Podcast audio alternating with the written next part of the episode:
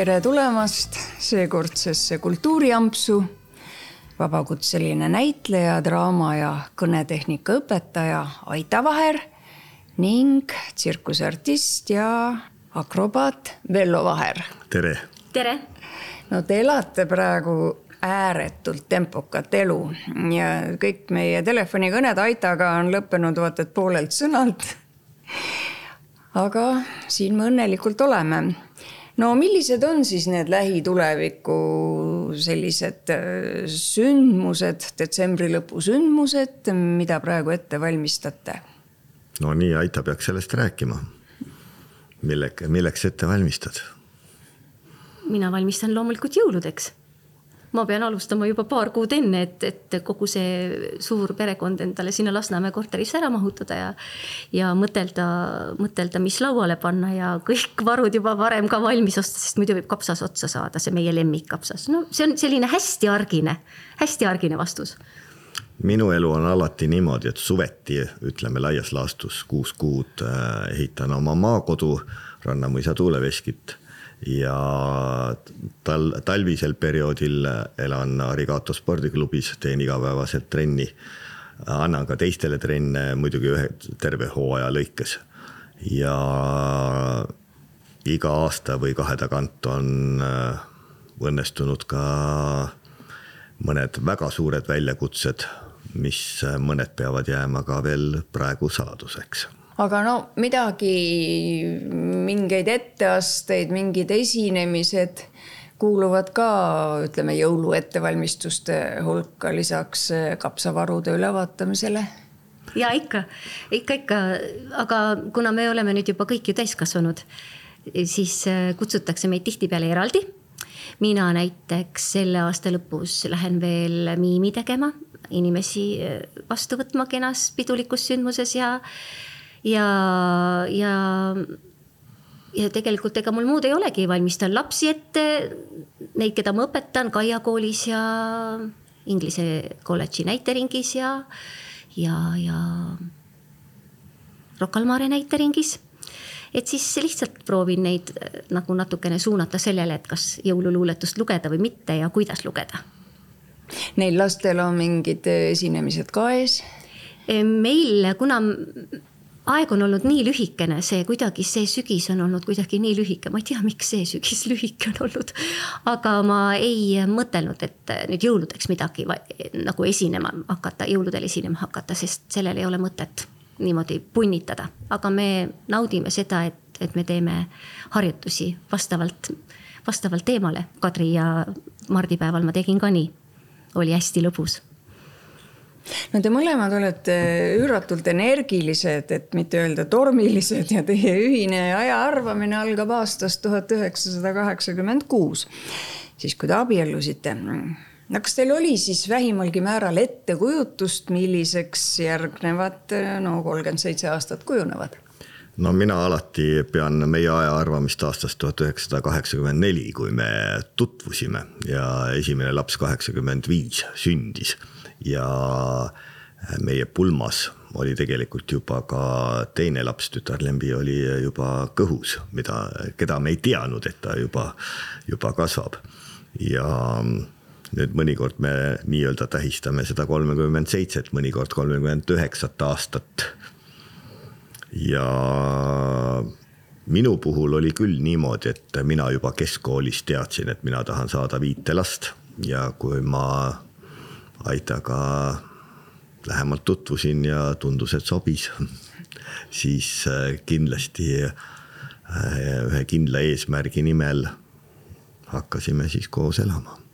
ja see on naljakas jah, et tegelikult meil on ju ainult keskmine laps on planeeritud, ülejäänud on kõik tulnud nii nagu Vello on sinna, sinna üles saatnud selle soovi. ja me isegi mõtlesime, et me piirdume neljaga aga näed, see viies tahtis lihtsalt tulla, sest et see oli juba lihtsalt kirjas seal, no midagi ei ole teha, see hing tuli meie juurde, see on. ja ega ma, see on tõesti pöörane, mina ei kujutanud seda ette.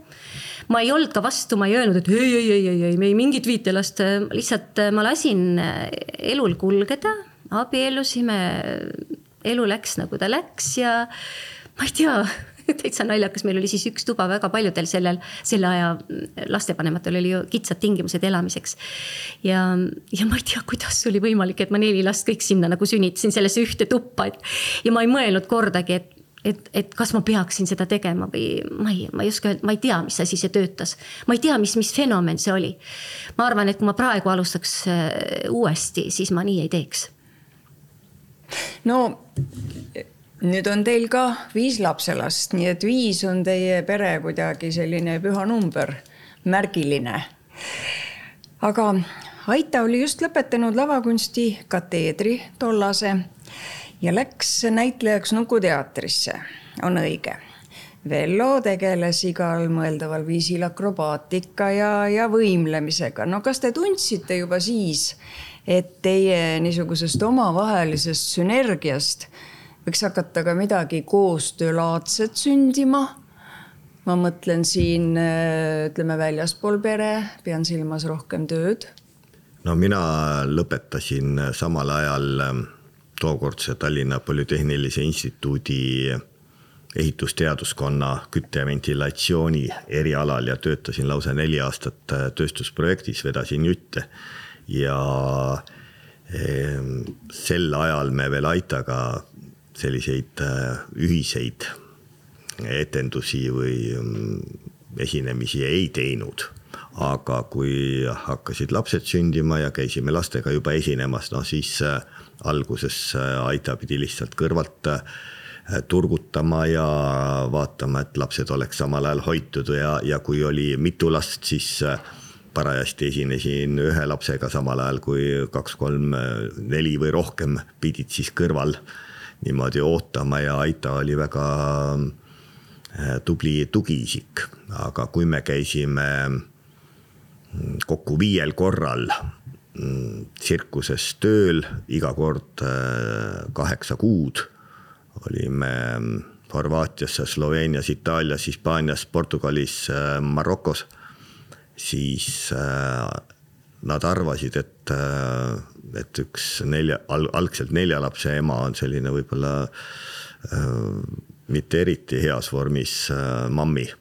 Aga tuli välja, et oli väga äh, tantsuline ja siis äh, pandi ta mustkunstikasti ja, ja nii-öelda tantsutüdrukuks ja, ja sealtkaudu hakkas siis see ähm, ühine koostöö võib-olla rohkem toimima, kuigi äh, Ingo Normeti lavastuses äh, Bertolt Brechti Mees on mees, mees, on mees mängis Aita ka klouni. ju siis Ingo nägi juba siis, et minus on seda ainet ja, ja ta tõesti, ta nägi kõigis seda väga õiget asja. et see on äh, absoluutselt fenomenaalne ja, ja ma tahan veel öelda, et äh, eks sealt vaikselt sealt tsirkuse tuuridelt tuligi see, et oot-oot-oot, aga miks ma niisama siin olen, et äh, vahel on vaja rekvisiite lavalt ära tuua ja siis ma maskeerusingi klouniks ja et ei oleks niisama, ennem tõin niisama aitana, aga siis hakkasime mõtlema, et oot-oot, aga siis saaks ju teha väikese vahenumbri ja äh, sealt võtsime inspiratsiooni nendest tsirkustest ja mõtlesime ise juurde ja, ja siis ma tõin nagu neid ähm, matte ja panin rekvisiite valmis siis juba nagu rollis, et ma olen ju ikkagi näitleja ja, ja miks ka mitte see oli lavakunsti kateedri aegadel, kui Ingo teid märkas ja. ja, ja. nii, siin kõlas tsirkusekool, vot kuidas selle tsirkusekooliga lood on, et millal ta tekkis? et jutt on ju teie pere tsirkusest. see küll tekkis äh, niimoodi, et Aita nii-öelda vormistas aga kuna tütred Endle ja Lembi tegid mõlemad väga kõrgel tasemel sporti, siis nendel alguses ei olnud aega sellega tegeleda. ja meil isegi mingil hetkel oli nagu see teema, et kas nüüd on eh, see nii-öelda meie ehm, peretsirkus või esineda tsirkusekooli nime all ja kui siis lapsed enam nii kõrgelt eh, sporti ei teinud vaat siis neil oli rohkem aega hakata ise trenne andma. ja nüüd on see tsirkusekool praktiliselt äh, Lembi ja Endla hallata, nemad teevad, teevad omasid trenne ja need trennid, mida mina teen, noh, mõnikord ma olen käinud küll nei, nende tunde asendamas. aga minu trennid on nii-öelda väljaspool tsirkusekooli äh, kavasid. Aga mis aastal see tsirkusekool sündis?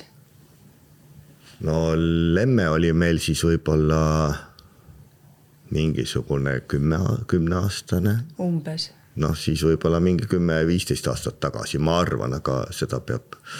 kuskil kaks tuhat kaheksa. võib-olla. selge ja siis ongi teie peretsirkus selline uhke asi.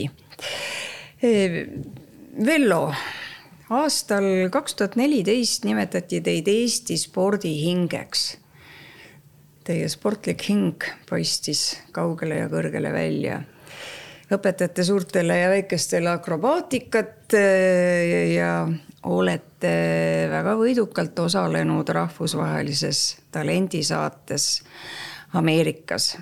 mida see saade endast täpsemalt kujutab ja kujutas ja, ja kuidas ja miks te üldse sinna sattusite? No vot selle kohta võiks hakata targutama, et kui sportlase jaoks on võib-olla ülim eesmärk olümpiamängud laulja jaoks või vähemalt Euroopa laulja jaoks Eurovisioon, siis äh, telemaastikul või meelelahutuses äh, on äh, Simon Cowelli poolt ja Fremantle produktsioonifirma poolt loodud formaat Got Talent, mida tehakse või on tehtud kuuekümne üheksas riigis ja põhisaated on siis äh, America's Got Talent ja Britain's Got Talent. Ja neid näidatakse siis äh, nii otse kui ka aastaid hiljem üle maailma veel, veel palju rohkemates riikides ja selle Got Talenti nii-öelda veel väiksemad tütarsaated on X-Factor ja Idol ja, ja kõik muud äh, pisemad äh, laulusaated. nii et ähm, kui nüüd lüüa sisse Vikipeediasse või kuhugi mujale, mis see saade endast kujutab, siis ähm, isegi World Guinness Records on äh, tunnustanud aastal kaks tuhat neliteist äh, selle Got Talenti formaadi kui maailma edukaim äh, reality show ehk siis tõsielusaade. nii et, et vaat meie siin võime pisikeses Eestis või ka tegelikult mitte väga suures Euroopas ähm, omi asju ajada. aga noh, maailm on, maailm on lai no väga uhke lugu, aga teie, kuidas teie sinna sattusite, istusite kodus diivanil, vaatasite telekat ja korraga tundsite, et ma tahan sinna minna? Äh, see esimene, esimene pool oli peaaegu õige, kas ma köögis laua taga istusin ja sõin või midagi ja ja mul polnud õrna aimugi, et ma tahan sinna minna, aga oli telefoni kõne, lauatelefon või tegelikult seinatelefon. Keegi rääkis inglise keeles. ma veel mõtlesin, et tahab siin Eestis mingisugust esinemist pakkuda, eriti aru ei saanud, see telefon meil oli ka kehvasti ühendatud, ma hästi ei kuulnud. ja kuna ma olin päris kehvas vormis, siis Äh, ma alguses ka ütlesin ära, et ma tulla ei saa. Aga kuidas ja. teile, teie peale tuldi üldse? no vot, maailm on jäänud järjest väiksemaks ja lõpuks ma sain teada, et viiekümne aastaselt äh, ma äh, tsirkusepäeval esinesin Kumus ja postitasin sellise video Äh, mille pealkirjaks siis oli Fifty years old amazing contortionist ehk siis viiekümne aastane imeline kehaväänaja. Ja sain teada, et siis ähm, sellised suured ähm, talendisaated äh, otsivad vähesel määral ka ise nii-öelda väga-väga-väga noori, väga-väga vanu ja väga-väga erilisi ja sealt siis mind äh, leiti. suurepärane, niisiis kõigepealt ütlesite ära, mis edasi sai Eh, ma suunasin eh, nad oma tütre Endla jutule, et tema teeb kangast ja kõike. Aga siis üks eh, hea inimene, kiropraktik Allan Olo ütles, et loomulikult pead võtma vastu, et kui, kui sa vormi ei saa, ütled ups.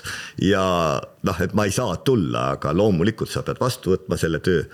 ja hakkasin tööle ja, ja ma olin veel enne mõni aasta varem läbinud alaseljaoperatsiooni, jalad üldse kaela taha ei läinud, mul võttis kolm kuud umbes aega, et saada oma varbad pea taga kokku.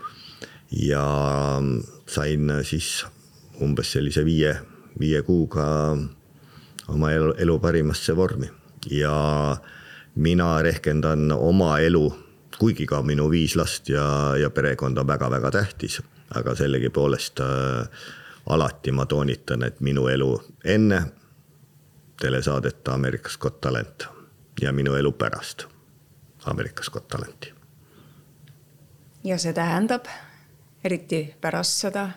no pärast seda äh, on mind kutsutud, äh, nagu ma ütlesin, maailmas on kuuekümne üheksas riigis seda saadet tehtud, olen käinud äh, Saksamaa mm, saates äh, Das Supertalent ehk siis äh, Saksamaa Got Talent ja Gruusia või Georgia saates Nichieri. ja lisaks sellele veel mitte Got Talenti formaati kuuluvas, see oli Saksamaal Münchenis selline telesaade nagu Das Battle der Besten ehk Best of the Best ja nüüd kaks tuhat kakskümmend kaks käisin Prantsusmaal Pariisis eh, sellises formaat, sellise, sellist formaati saates nagu Game of Talents, kus eh, üritatakse ära mõistatada, mida see inimene hakkab eh, laval tegema. Ja selline nagu peremängija igale poole, kuhu on mind nende poolt kutsutud, ma ei ole ise mitte kuhugi kandideerinud. Ja kõikides saadetes siis on üle maailma äh, neid artiste, keda ma juba olen läbi Youtube'i või televisiooni näinud, kes on siis maailma talendisaadete finalistid või siis äh, Monte Carlos äh, tsirkust teinud või mida iganes. kas sellistel puhkudel tekkis teil ka tunne, võib-olla see tunne on praegugi olemas, et et tee, mis tahad, et äh, väike Eesti jääb lihtsalt kitsaks minu kunstile, minu tegevusele no Eesti ongi väga pisikene, ma olen väga-väga suur Eesti, Eesti patrioot. Ei, ta ei ahista mind, alati on nii nagu, äh, kui ma algselt ütlesin, et me käisime kokku kolmel aastal äh, tsirkus, tsirkustes, siis me alati tahtsime tulla siia Eestisse tagasi.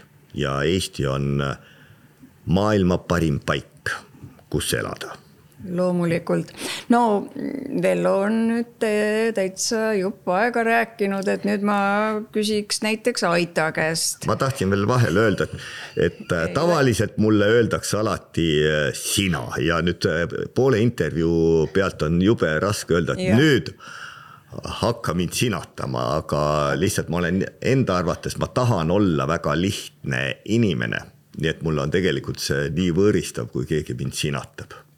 Teietab või tähendab, kui mind teietab, jah, näed, nüüd ma läksin sassi omadega, et kui keegi mind teietab, siis ma hakkan tavaliselt ennast luba, meietama. ma luban, et järgmine kord ütlen sina. nii, aga Aita eh, akrobaatika, tsirkuse numbrid ja muu taoline nõuab tegelikult lisaks painduvusele ja suurepärasele sportlikule vormile ka julgust. Nüüd Vello mõtleb, et hmm, et see küsimus võiks tegelikult ju ka mulle olla mõeldud, aga mind siiski huvitab, mis Aita ütleb ehm, et see tähendab ju suurt eneseületamist ka, eks ole, enne iga esinemist. aga, aga eelkõige nagu huvitab mind see, et milline peab üldse olema niisuguse inimese iseloom, kes tegeleb mõne ekstreemse alaga, ega see äh, klouni, ütleme, tegutsemine, ega see ei ole ka niimoodi pehmel liivarannal kõndimine, aga noh, ütleme jah, kõik sellised asjad, aga. ja, ähm, see on väga, väga põnev mm, maailm. Mm, klouni ma ei tahtnud tegelikult üldse teha, ma mõtlesin, mis mina ei ole ju mingi kloun, see, kui ma lavakas tegin bakalaureuse ajal, siis see oli teine asi, see oli õppetöö, noh, see oli väga kuulus selle asja juurde. see oli nii normaalne, sulle anti roll ja sa teed seda, harjutad, katsetad, vaatad, kas saad lapsi naerma, inimesi enda üle mm,. väga raske ja, ja kui ma siis otsustasin lõpuks natukene seda asja nagu teha ka siis minu hirm oli väga suur alati, ma tegelikult, tegelikult kohutavalt kartsin. ja ma ise ka ei tea, mida, mida ma kartsin? Ehm, aga, aga mm, see kuidagi ikkagi juurdus, juurdus tasapisi ja siis ka minu armsad sõbrad äh, Haide Männamäe ja Toomas Tross äh, ka kutsusid mind koolitusele, et siis haiglaklouni teha vahepeal nii et nagu kõik see andis nagu natukene neid tõukeid ja ma tegin nagu haiglaklouni kolm pool aastat. sain nende koolituse selleks ja, ja siis, äh, kui ma läksin edasi magistrantuuri, siis oli seal jälle väga armas Ingo Normet ja ütles, et aga, et kui sa, kui sind see huvitab, siis mine täienda ennast ka veel, magistri ajal saab ennast täiendada veel erinevate koolitustega välismaal. siis ma käisin kahel koolitusel ja, ja no see, see, see oli ikka no täielik ütleme äratundmine, et, et mina, kes ma armastan ju eluaeg väga naerda, noh, naeran igal pool. nüüd muidugi vähem ja vähem ikka natukene vanemaks saanud ja hoian ennast tagasi. aga tegelikult äh, naer on ju terviseks ja, ja seal me naersime ja siis ma sain aru, et see on, see on see asi, mida ma nüüd julgen teha. et, et ma olen nagu sellest hirmust üle saanud ja ma arvan, et akrobaatidel on täpselt samamoodi. et ma isiklik on ju, kui ma näen, et keegi läheb tegema trikke, ma ju isiklikult kardan ka, nagu see läheb läbi minu keha. et, ähm, et äh, see on samamoodi hirm.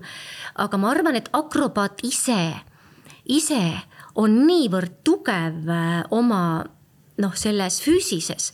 akrobaat peab harjutama väga palju, nii nagu muusikud harjutavad väga palju ja kui sa harjutad nii palju, siis sa saad mingisuguse kindluse. sul võib tekkida ainult see ärevus, et kas täna tuleb hästi ja oota, kas nüüd, kas see tuleb ikkagi, kas ma suudan seda anda inimestele niimoodi edasi, nagu ma olen mõelnud ja. ja see tuleb kogemustega igal juhul, aga nad harjutavad väga-väga-väga palju.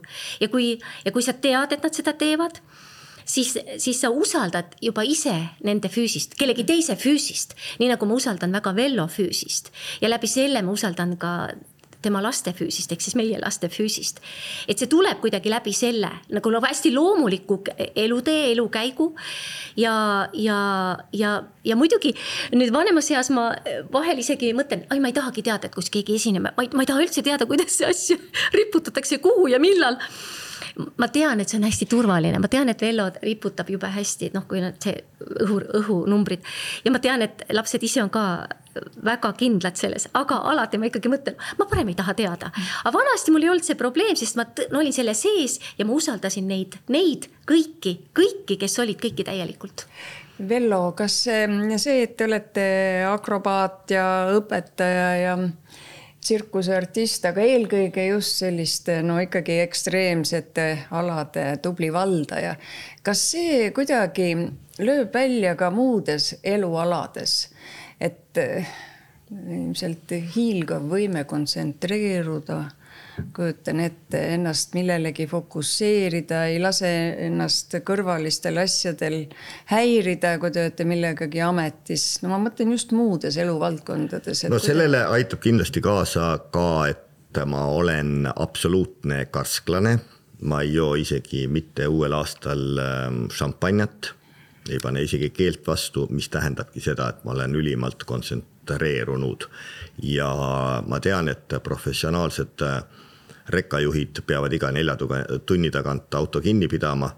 kui me oma tsirkuse turneedel käisime, mis seal salata, kui oli õues miinus kakskümmend seitse kraadi külma ja tulime kuskilt Portugalist või Marokost äh, erinevatel aastatel äh, läbi Poola sõitsin äh, neli tundi maganuna, äh, järjest tuhat kakssada kilomeetrit, kolm, äh, kakskümmend kolm tundi.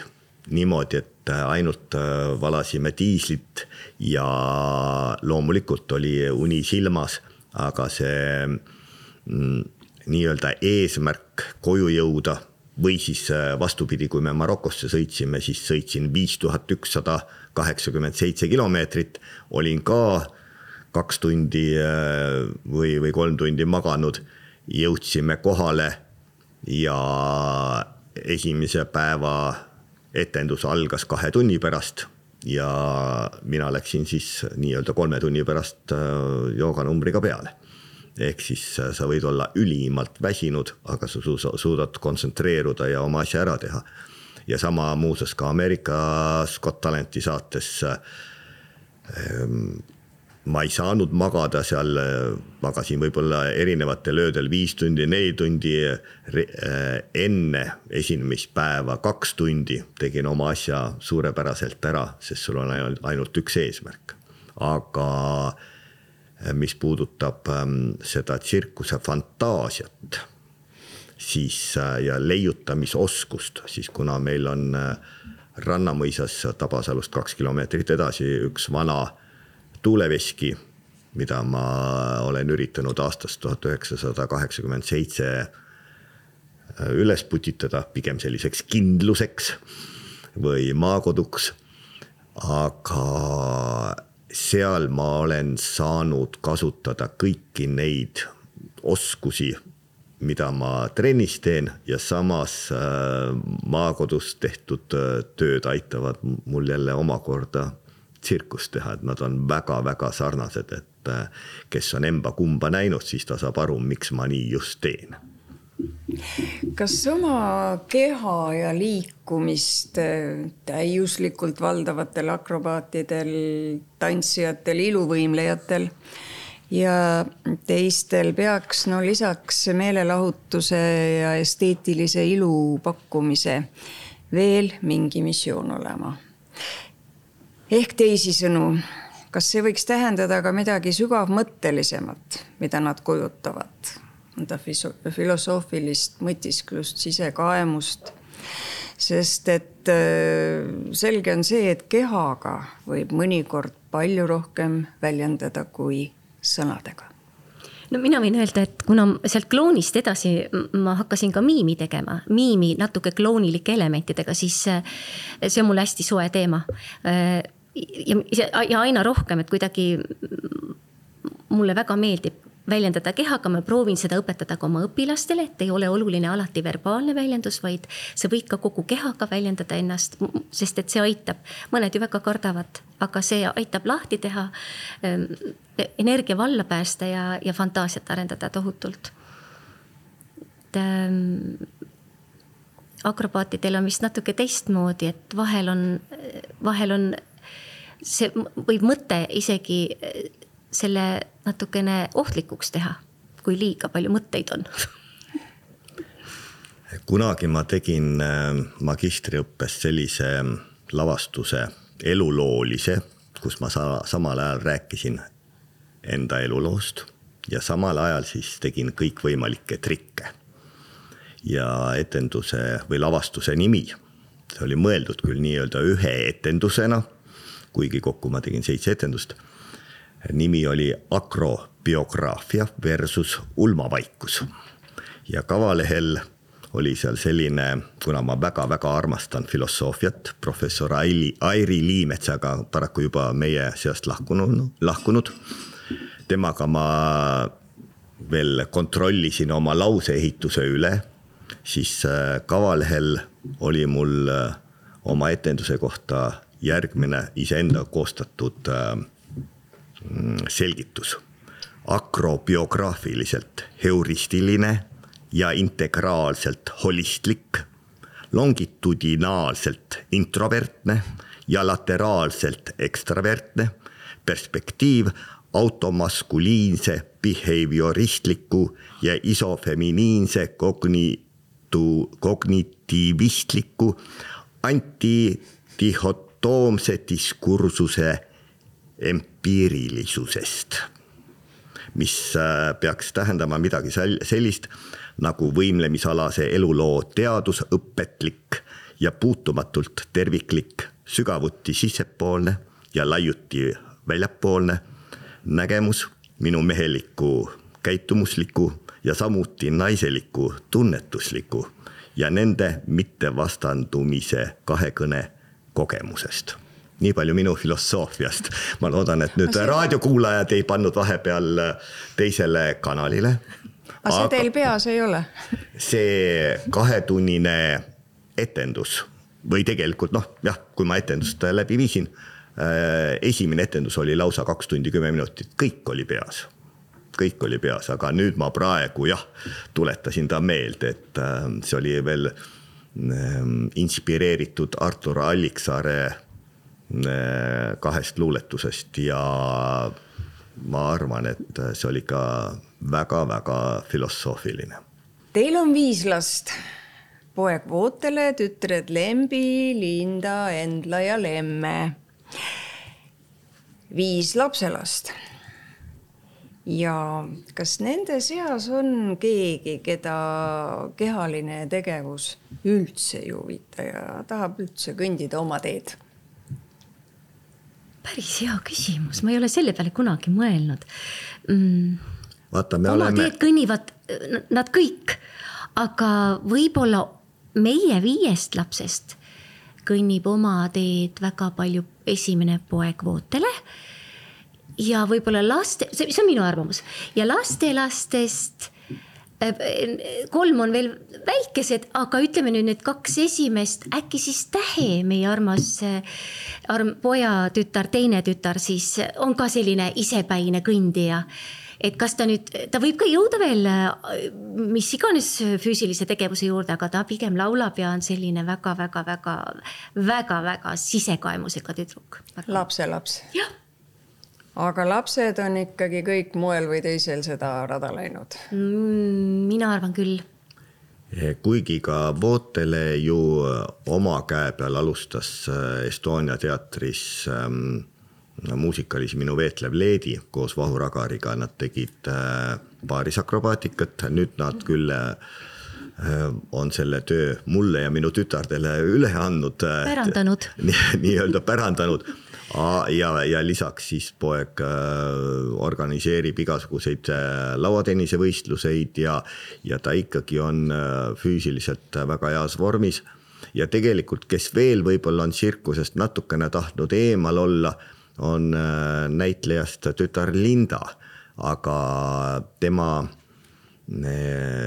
õppis Eesti Tantsuagentuuris aastaid tantsu, siis oli kaks aastat koreograafiateaduskonnas näitlejatöös on nagunii natukene akrobaatikat ja, ja nüüd, kus ta on juba viis aastat olnud Berliinis näitlejanna, siis äh, nüüd on ta leidnud sellise vahva ala nagu seina peal ronimine. meil on selline koht nagu kivi, kivi klimbing või, või climbing või kuidas see mhm. inglisekeelne täpne väljend on aga igal juhul ta ronib ja hüppab ja mis minu jaoks on ka täiesti puhas äh, tsirkus.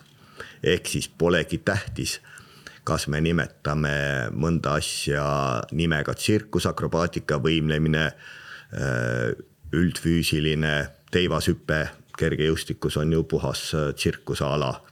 Ähm, kõige väiksem tütar hüppas äh, batuudihüppeid, mitte rahva, rahva seas populaarsetel täispuhutud batuutidel, vaid ikkagi sportbatuudil tegi seal seitset erinevat kahekordset saltot ja eh, nüüd ükskõik, mida nad teevad, tähtis ei ole, kuidas me neid nimetame, vaid nad kõik on ikkagi olnud nii-öelda sellise füüsilise aktiivsuse tipus. no Endla ja Lembi niisiis juhivad eh, tsirkusekooli. Neile meeldib see töö, nad saavad sellega hakkama, aga nad on ka laval. eks ole, ka praegu.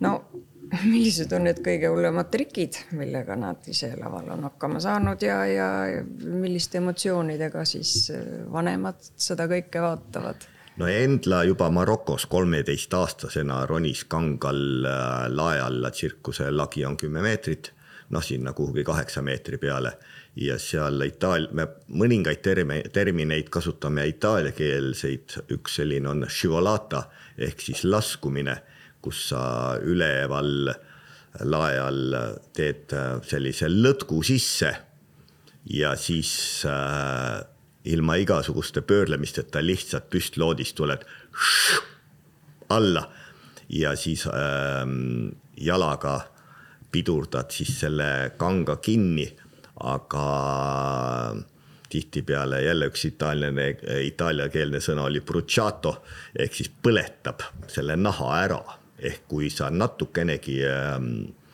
valesti oled seda kangast sättinud või liiga kõrgelt tulnud, siis see reis on tihtipeale äh, nii-öelda kergelt äh, punane. ja, aga see on äh, nii-öelda kõige ahetama panev trikk minu jaoks, et sa võid küll siduda mitu-mitu sõlme ja teha seal nii-öelda spagaadis äh, kolm tiiru alla ja veereda ja jube kaunis vaadata langeb, aga vaat see šivalata laskumine, pah nüüd kukub ja siis jääb pool meetrit maast eemale, eks ole, niimoodi. see on, see on võimas. aga lembi kohta veel ütlen nii, et ähm, ta on väga hästi ähm, suutnud äh, propageerida beebivõimlemist ja kellel on selline konto nagu Instagram, siis äh, veel paar päeva tagasi oli Lembil kolmsada seitsekümmend neli tuhat jälgijat üle maailma ja tema videoid on vaadatud äh, miljoneid ja ühel videol on lausa miljon laiki ehk siis miljon meeldimist. nii et äh, sellist edu siinkandis ma ei tea. Aga tulles küsimuse juurde tagasi, siis mina olen ju näinud pealt, sa küsisid ju selle kohta, et kõige hirmsamad asjad jälle. et kui mina ju oma lapsi lubasin lapse Vellol loopida, onju, niimoodi teha, mis tahab, onju, sest ma usaldasin seda keha, eks ju, neid kehasid ja seda füüsist. ja siis eh, vanaemana loomulikult juba nüüd juba, mida Lembi jätkab täpselt sedasama rida. see on täiesti fenomenaalne, kui, kui, kui ähm, kui järjekindel ta selles on olnud, et kui poisid sündisid, ta kohe teadis, ma arvan, et tema teadis kohe juba ette, see tema, see tema eesmärgikindlus ja see tema tahtejõud on nii tugev, et tema otsustas ka, et jätkame seda asja ja ta ja siis ta ja, ja, ja ta teeb ju kõigi poistega nii ja nüüd ma juba, nüüd ma juba kardan, et oh, nüüd läheb see järgmine, nüüd järgmine ja, ja ta on ju, ta ikkagi tütarlaps, kuigi ta on muidugi väga tugev. Ta on ikkagi endine teivishüpp, teivashüppaja ja aga, aga hirm on ikkagi vaata need ohtlikud asjad, eks ole, et ja siis vaatad, et kas matt ikka on ja Vello puhul ma kunagi ei mõelnud ta ei ole kunagi midagi juhtunud, aga naine on naine ja naisel, naisel, naistel on natukene raskem no.. ja siinkohal tahan veel meelde tuletada, et nii tütar Endla on rippunud mul niimoodi, et ise haarates äh, viiepäevaselt, kui ta oli viiepäevane beebi ja nüüd lastelastest mm. veel sai üle kontrollitud äh, lembipoegadega ehk siis kuuepäevaselt. nii et nii-öelda kolmas käsi on igaks juhuks eemal kukla tagant teda püüdmas. Aga beebi, beebid on niivõrd tugevad, et nad on suutelised ise oma keharaskust ähm, kangil äh, üleval hoidma ja vastavalt siis äh, käe peal on nad seisnud üheteistpäevaselt, kaheteistpäevaselt äh, püsti. nii nagu kitsed looduses, kui vaadata loodusfilme, nad sünnivad, raputavad selle platsenta maha ja viie, kolme minuti pärast nad on juba nelja jala peal ja kõnnivad emale järele, nii et tegelikult on meie inimeses need refleksid ka olemas. Nojah, aga inimlaps ei ole kitseke või vasikake või koerakutsikake, kes on, kutsikad on ka üsna abitud, inimlaps on ikka eh, suhteliselt abitu nendega võrreldes ja, ja miks ikkagi peab tegema seda beebivõimlemist, ma arvan, et on palju inimesi, kes niimoodi küsida tahaksid. aga me tahame ju, et meie lapsed oleksid terved. see ongi vastus, et meie lapsed oleksid tugevad osavad, andekad. aga siis terved. peab teadma, kellele see sobib, kellele mitte. et tähendab, peab äh, teadma, kuidas lapsevanemaid õpetada, selleks nad tulevadki kas minu juurde beebivõimlemisse või lembi juurde. Äh, mina võib-olla jah, kuna ma olen äh, meesterahvas ja teen natuke liiga hoogsalt, lembi teeb natukene emadele meelepärasemalt, aga kindlasti on äh, need harjutused väga vajalikud ja need tuhanded-tuhanded äh, äh, pered, kes on minu tundides käinud. Mul on küll isasid, kes on käinud oma nelja lapsega või kolme lapsega, nad tulevad järjest oma uute lastega mu trenni. miks nad tulevad? sest nad näevad, tulemust Nad näevad, kui tugevad on nende lapsed võrreldes äh, nende klassikaaslastega, eakaaslastega. ja vahemärkusena tekib harjumus, tekib füüsiline harjumus olla füüsiliselt aktiivne. ja ega siis alustama peab ju vaikselt, see ei toimu ju niimoodi, et me hakkame neid väänama. ja Lembi, Lembi äh, ju käis meil äh, massaažikoolis nii ekstra, mis oli mõeldud ka beebidele ja käis ka päris täiskasvanute massaažikoolis, tal on siis seitsmenda astme massööri eluaegne selline tunnistus. ja seal õpitakse ära kõik äh, nii last, pisikeste laste kui täiskasvanute füüsilised omadused ja kõik need, mis äh, puudutavad siis sellest füsioteraapiast, eks ole, et nad, ta, ta, ta teab sellest väga-väga palju ja sellepärast ma usaldan Lembit väga. no te olete siin ilmas üksjagu elanud ja elukest jälginud ja, ja olete siis seega nõus selle üldlevinud arvamusega, et nii palju ülekaalulisi lapsi pole nagu varem nähtud.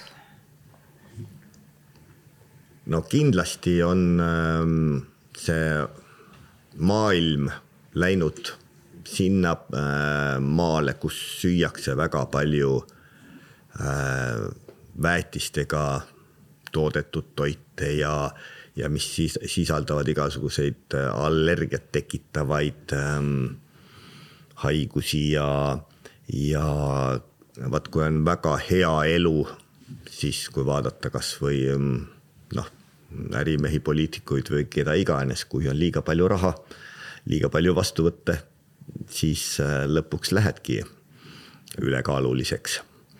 ja selleks peabki siis äh, oma keha eest ka hea seisma aga kummaline on see, et mina õpetan hästi paljudes äh, kohtades lastele, eks ole, draamat ja ma ei ole küll näinud ühtegi ülekaalulist last. või siis, kui võib-olla ühe käe sõrmedel, võib-olla paar natukene, aga, aga nad kõik, lapsed ju kasvavad sellest välja.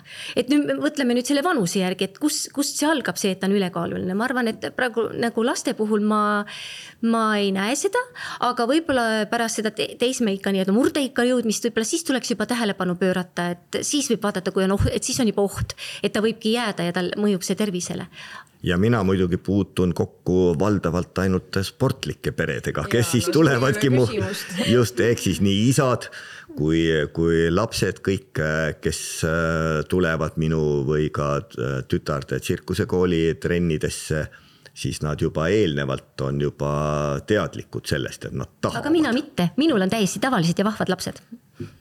no see on, see on nii, nagu ta on, aga ütleme, kui me ikkagi selle märksõna võtame, ülekaalulisus, siis eh, näiteks kui nii kodu kui ka kool ei tee asjast suuremat numbrit, siis eh, ja ühesõnaga see sellesama ülekaalulisusega seoses võib-olla ka tervisehädad pole kaugel, eks ole. et noh, mis teie meelest oleks lahendus? lootus, et kasvab välja või? Ikka eneseparandamine algab igast inimesest endast.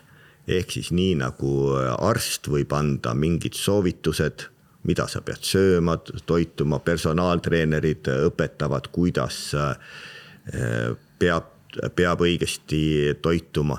aga kui inimene ise ikkagi, täiskasvanud inimene veel ütleb, et aga et ma järgin küll kõiki toitumisnõuandeid, aga igaõhtusest veiniklaasist ma ei loobu. siis sellisel juhul, äh, mida me siit äh, tahame, ehk siis sa peadki mm, pühenduma sellele, et oma tervise eest seista. ja siiski liikumine, liikumine on number üks selles osas praegu ju kõik räägivad sellest, ükskõik kuidas liikuda. mina, mina, kes ma nüüd hakkan juba lähenema, eks ole, sinna noh no sinna kuskile vanusesse. olen väga tähelepanelikult jälginud äh, väga tarkade inimeste ütlusi. tuleb trepist käia, see mõjub ajule hästi, tuleb joosta, mõjub ajule hästi, tuleb kiiresti kõndida, mõjub, mõjub ajule hästi. nii et see tähendab, see kehtib täpselt sama, ma arvan ka ükskõik mis vanuses laste ja vanemate ja noorte ja kõige puhul ja keegi ütles midagi sarnast, et kui äh, kogu maailma rahvastik sööks kümme protsenti vähem, siis ei oleks maailmas näljahäda. ehk siis minu isiklik arvamus on ka see, et üks asi, et jah, kõik inimesed on võrdsed ja me ei tohi naeruvääristada kedagi, kes on liiga pikk või liiga lühike või, või teistsugune. aga selles kontekstis mina isiklikult arvan, et see oleks õiglane kui lennupilet, lennuk peab ju tõstma raskemat inimest. lennukipilet peaks olema kaalu järgi. mina, minul on, ma kaalun vähe, mul on suur kott eks ole, ja ma pean maksma kokku, ma kaalun vähem kui see ülekaaluline inimene, aga mina pean lisa maksma. ja võtame, et riiet läheb palju rohkem kui palju inimesed söövad, nii palju, et seda tegelikult tal ju ei ole vaja. ja siis me räägime kliima soojenemisest ja sellest, et me peame olema nüüd rohelise mõttemaailmaga. nii et äh, sisuliselt äh, andke mulle andeks, siiralt vabandan kõigi ees, keda mu äh, see mõttelind praegu, mõttelend praegu riivab, aga ähm, mõelge selle peale, kui te hakkate rääkima rohelisest maailmast, kui teil on natukene midagi üle. tuleme korraks tsirkuse kui sellise juurde. kui palju Eesti rahval tänasel päeval üldse tsirkust vaja on, mis on see perspektiiv, miks peaks noor inimene tulema tsirkusekooli, et, et kas tast saab siis äh, professionaalne tsirkuseartist või, või tegelikult jääb see rohkem hobiks või palju seda tsirkust Eestimaal vaja on? no intervjuu alguses ma ka ütlesin, et minu jaoks pole kuna, kunagi tähtis, kuidas me seda asja nimetame, on ta nüüd akrobaatika, tsirkus, võimlemine. nüüd on muuseas väga äh, populaarne ala kalisteenika, see on siis äh, see, kus äh, tänava, tänavatel ja kuskil randades äh, tõmmatakse lõuga, hüpatakse saltosid kangide peal, rööbaspuudel tehakse vahvaid trikke, mis on tulnud ka natukene võib-olla eda, edasiarendusena breiktantsust. ja seda tehakse sellepärast, et ähm, see on lõbus, tore. Äh, noh, muidugi sellega võivad kaasneda luumurrud, kui sa midagi valesti teed, aga sellegipoolest äh, see ongi tervis, tervislik eluviis sama hästi me võiks küsida, et miks inimesed peaksid jalgpalli mängima või, või üleüldse metsajooksu tegema. et, ähm, et kas, kas, kas see, kui keegi läheb nüüd toksib äh, natukene palli, et kas sa nüüd pead saama maailma parimaks äh, jalgpalluriks. ehk, ehk see ongi tervislik eluviis minna trenni, on see siis äh, nii-öelda kulturism, fitness, äh, jõusaalid, mis on praegu viimasel ajal väga-väga populaarseks saanud. see ei pea ka olema, et nüüd kõik, kõikidest tulevad äh, musklimäed, aga kui sa natukenegi kõnnid seal äh, nii-öelda jooksurajal või tõstad seal natukene hantleid, see on tervis ja sa ise ütlesid ka kunagi, et sa annad aluspõhja nendele lastele, keda sa treenid, ükskõik kui kaua nad sinu juures käivad, mulle meeldib väga see, ta annab aluspõhja. ta annab sulle selle harjumuse, harjumuse olla ja... füüsiliselt aktiivne, mulle see nagu see mõte nagu väga-väga meeldib. sa ei saa ilma selleta. mina ka ei saa enam ilma selleta, ma tunnen pärast trenni ennast nii hästi. ma ei saa, see ei tähenda, et ma käin nüüd kohutavalt palju. ma käin täiesti oma tunde järgi, aga see annab niivõrd hea enesetunde ja Lembi ja Endla õpilased on käinud äh, mitmel pool välismaal fitnessi võistlustel, kus nad teevad siis üheksakümmend sekundit äh, akrobaatika kava ja siis on äh, ka see kehavoor, sama mida Endlagi tegi ja see ei pea olema, et sa just nimelt nii-öelda tsirkusesse kui sellisesse Mm, lähed. aga tulemegi nüüd korraks teie pere kui terviku juurde. kui oluliseks te hindate igat sorti traditsioone ja kuivõrd noh, ma ei tea, kas on midagi, mis teie peret saab veel rohkem liita, kui ta juba liidetud on, aga aga jah, tõepoolest need traditsioonid, igasugused tähistamised, millest te kindlasti ei taha võib-olla ilma jääda, noh, jõulud tulekul ja kuidas nende asjadega on? no jõuame jutu algusesse tagasi, et minu lugu algab sellest, et, et kaks kuud ennem hakkan mõtlema jõuludele, kui et ja, kõik kogu rahvas. aga kui natukene rikastada seda algset mõttekäiku traditsioonid.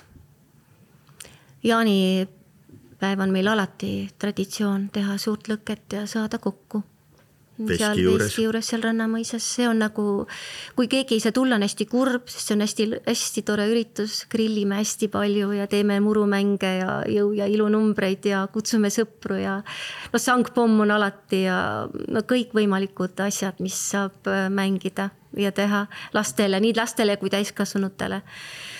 ja mm, no selliseid äh, vahvaid traditsioone on näiteks lembi esimesel pojal Marul on niimoodi, et iga sünnipäev on eri värvi.